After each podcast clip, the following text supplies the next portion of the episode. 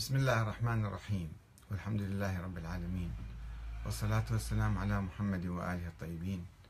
ثم السلام عليكم أيها الأخوة الكرام ورحمة الله وبركاته. تعرفون جميعا أن صلاة الجمعة صلاة يعني مهمة جدا وهي مخصصة لكي يجتمع الناس أكبر قدر ممكن في أكبر مساحة ويقوم الإمام بوعظهم وإرشادهم. مو فقط يعني يصلون صلاة عادية كأي يوم صلاة جماعة عادية أي صلوات يعني خلال الأسبوع. لا صلاة تتميز فيها يعني نوع من التوجيه وفيها خطبتين الإمام يخطب ويعظ الناس. مقابل الخطبتين تقتصر الصلاة إلى ركعتين صلاة الظهر. هي نفس صلاة الظهر بس يوم الجمعة تصير اسمها صلاة الجمعة. وإذا كانت هذه الصلاة في مسجد مهم وعظيم مثل مسجد الإمام الحسين ففيها روحانية أكثر تصير فيها ذكريات فيها يعني مبادئ وقيم وإضافية في الصلاة. فالواحد لازم يحترم موقع الصلاة وموقع المكان اللي يصلي فيه أيضا المسجد الخاص هذا حتى يعطي فوائد جمة أكثر. وتعرفون أيضا أن الشيعة عموما ما كانوا يصلون صلاة الجمعة يقولون انتظارا للإمام المهدي ما عندهم إذن من الإمام الغائب صار له 1200 سنة. ولا إذن نائب الخاص فإذا الصلاة مو واجبة. ولكن بعض الناس أنا قبل خمسين سنة أتذكر في كربلاء الشيخ آه، رضا الإصفهاني أو كذا كان يصلي صلاة الجمعة. واحدة مسجد صغير مجموعة عشرة عشرين واحد كانوا يصلون وراه في مسجد معين. ثم عندما قامت الثورة الإيرانية وأصبح الحكم بيد العلماء الإمام الخميني رحمة الله عليه عين أئمة جماعة في كل مدينة وبدأوا يصلون صلاة الجمعة وفي العراق ما كان أحد يصلي صلاة الجمعة عموما. في الخمسينات في الستينات الشيخ الخالصي الشيخ مهدي الخالصي أو محمد الخالصي بدأ يصلي ولكن أيضا علماء النجف حاربوا الصلاة هذه حاربوا الشيخ الخالصي يعني شلون يصلي صلاة الجمعة؟ أول ما اجى من إيران هو كان منفي اجى إلى الكوفة وصلى بالكوفة صلاة عظيمة جدا. ولكن علماء النجف متحجرين آه، ومتقوقعين ودين ينتظرون الإمام المهدي فما قبلوا على الصلاة. وطبعا بالحقيقة هو كان يسحب الزعامة من عندهم أيضا. فحاربوا بها الشغلة هذه حاربوا الصلاة أيضا. وانكفى إلى الكاظمية فقط في مسجد صغير يمكن في الكاظمية كان يصلي واستمر على الصلاة والآن حتى الآن مستمرين. ما عدا هذا عموما ما كان أحد يصلي من الشيعة في العراق يصلي صلاة الجمعة. ثم آه، السيد محمد الصدر رحمة الله عليه آه، بدأ يصلي صلاة الجمعة في التسعينات. و حظية الصلاة وحط أئمة أيضا في مدن أخرى في مدينة الصدر ومدينة الكذا بغداد وبصرة ومدن أخرى يعني صاروا يصلون. آه، الشيوخ التابعين له. فأيضا حورب حورب من المرجعية من السيستاني ومن غيره. أنه شنو هاي صلى صلاة الجمعة ما يجوز الصلاة وصارت يعني هجوم عليه. بعد سقوط النظام السابق نظام صدام بدأ السيستانيون يصلون صلاة الجمعة وفي كربلاء وفي النجف وما أدري بالمحافظات الأخرى هم من عندهم مندوبين أو لا. صار عندنا صلوات عديدة صلاة آه، خط السيستاني وصلاة خط الصدر وصلاة خط مرجع الخالصي وآخرين يعني. وهذا طبعا مو صحيح لازم صلاة عامة تكون مثل أي صلاة جماعة لله تعالى بدون أسماء. في كربلاء عندنا يتبادل على صلاة الجمعة اثنين. أمين العتبة الحسينية وأمين العتبة العباسية. الشيخ عبد المهدي الكربلائي والشيخ والسيد أحمد الصافي. أه وخطبهم هم على أساس ممثلين المرجعية. يعني دائما يعرفون هكذا بالإعلام والمرجعية ساكتة يبدو تنسيق مع السيد أه ابن السيد السيستاني يمكن. أن ذولا يعبرون دائما عن مواقف المرجعية. اليوم الماضي الجمعة الماضية يعني آه، السيد أحمد الصافي صلى صلاة الجمعة في مسجد الإمام الحسين عليه السلام. وهو غير الخطبة مالت خطبة وعظية كانت عنده وخطبة ثانية تحدث بها عن المرجعية. آه، المرجعية والمراجع قال أنهم هم وكلاء الإمام المهدي. يعني كأنه في اهتزاز بالساحة الآن. في كثير من الناس بدأوا يراجعون أن المرجعية شنو أساسها. وشفنا أيضا قبل أيام آه، في صلوات الخط الصدري التيار الصدري أنه في نقاشات في داخل المصلين أنه ما هي شرعية التقليد. لماذا يجب أن نقلد؟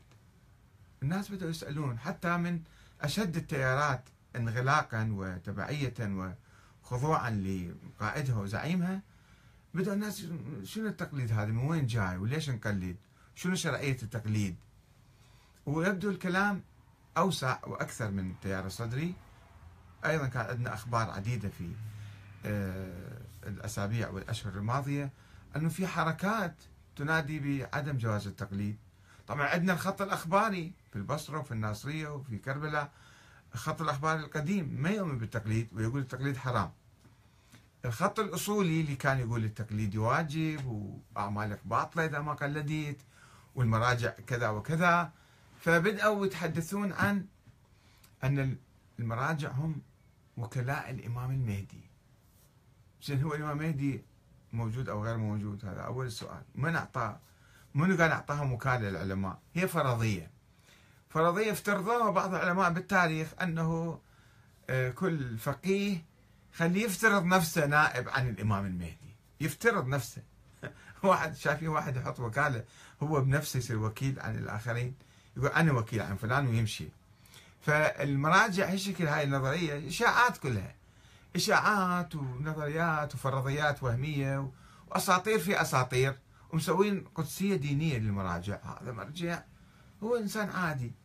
قاري له كم كتاب بالفقه. افترض فقيه. افترض فقيه.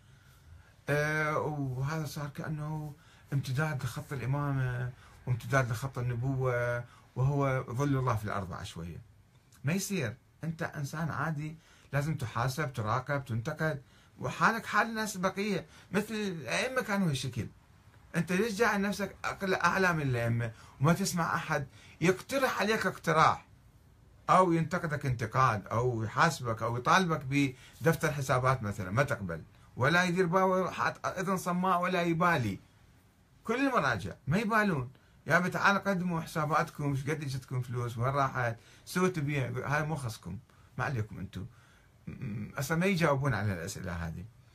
طيب مع ذلك يقول لك أنا وكيل الإمام المهدي زين إذا نشوف واحد واحد عجيب غريب. الإمام المهدي هذول كلهم عينهم وكلاء وبهالصورة هذه ومتناقضين ويتناحرون أحيانا.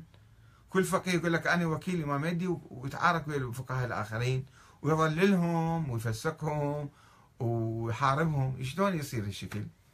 كل واحد لأن كل واحد هو اللي يدعي الوكاله من نفسه عن شخص غير موجود عن موكل لم يولد ولم يلد. فوضى عندنا فوضى دينية حقيقة. اي ويقول لك إحنا المراجع هم وكلاء الإمام المهدي وبعد وهذا الإمام أجل وأسمى من الخزعبلات خزعبلات والتشويه والشبهات. زين في كلام. في كلام الناس دي يبحثون دي يسألون أنه هل فعلا أكو شيء شخص اسمه إمام مهدي ومحمد بن حسن وهو غائب وموجود وحي ويروح ويجي ويراقبنا وكذا؟ و... وين هذا؟ شنو أثره؟ شنو دوره؟ شنو وليش غايب؟ ومتى يغيب؟ ولماذا يغيب؟ أسئلة كثيرة حول هذا الموضوع في الوعي الديني الجديد حتى عند الشيعة في العودة إلى أصول المبدأ الشيعي المبدأ العلوي التشيع العلوي الحسيني مو التشيع الصفوي والقاجاري والبويهي والما أدري كذا اللي كل واحد يسوي له نسخه ويفرضها كأنها هي النسخة الصحيحة. انحرافات كثيرة حدثت في التاريخ عن أهل البيت، عن خط أهل البيت في صفوف الشيعة وكل واحد يقول أنا الممثل الحقيقي للتشيع، ما يصير. زين. وما يسمحون أحد يناقش ولا أحد يحاور ولا أحد يسأل ولا أحد كذا. وشوية لو ناقش بعض القضايا التاريخية مثل السيد فضل الله يصبح ظالم وظل ولازم يقاطع لازم يحارب لازم يضرب. دعا ممثل المرجعية الدينية العليا السيد أحمد الصافي في خطبة الجمعة التي ألقاها من داخل الصحن الحسين الشريف إلى الالتزام بخط المرجعية العليا. يعني إحنا مو عندنا دستور وعندنا نظام سياسي وعندنا انتخابات. شو نسوي بعد بالمرجعية؟ ليش لازم نلتزم بخط المرجعية؟ من هي المرجعية؟ منو جابهم؟ منو نصبهم؟ منو حطهم؟ منو ما نعرف. ناس ما يعرفون. في ناس أشياء سرية آه، تحاك بليل وفد مرة يطلع لنا واحد مرجع ولازم إحنا هذا المرجع الأعلى ولازم نسمع كلام المرجعية العليا. وترك الأفكار المشوهة وترك الشبهات. شنو هي الشبهات؟ اشرح لنا إياها. وإذا عندك دليل ضدها قدم الدليل يا سيد أحمد الصافي. مبينا إن على الشباب الالتزام بهذا الخط الواعي الديني. خط واعي ولا خط ضد الوعي؟ وأن يكونوا على هداية ونور وعدم التأثر بكلام الجاهلين والأفكار المشبوهة. منهم عيننا اياهم قول منو فلان. قول أحمد الكاتب جاهل قول أحمد الكاتب منحرف قول أحمد الكاتب عنده أفكار مشبوهة. ليش تخاف؟ قول حط نقاط على الحروف.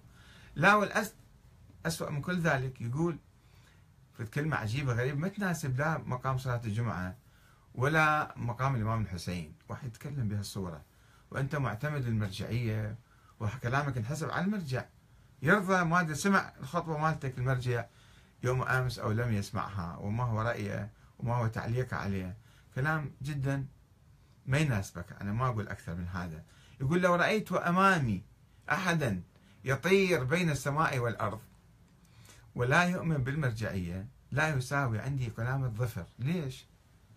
شنو المرجعية؟ صارت أصل من أصول الدين أو أصل من أصول التشيع؟ فبدعة حادثة بالتاريخ كنا بحاجة إلى ضرورة معينة صارت المرجعية. وراحت وصارت عندنا دولة الآن.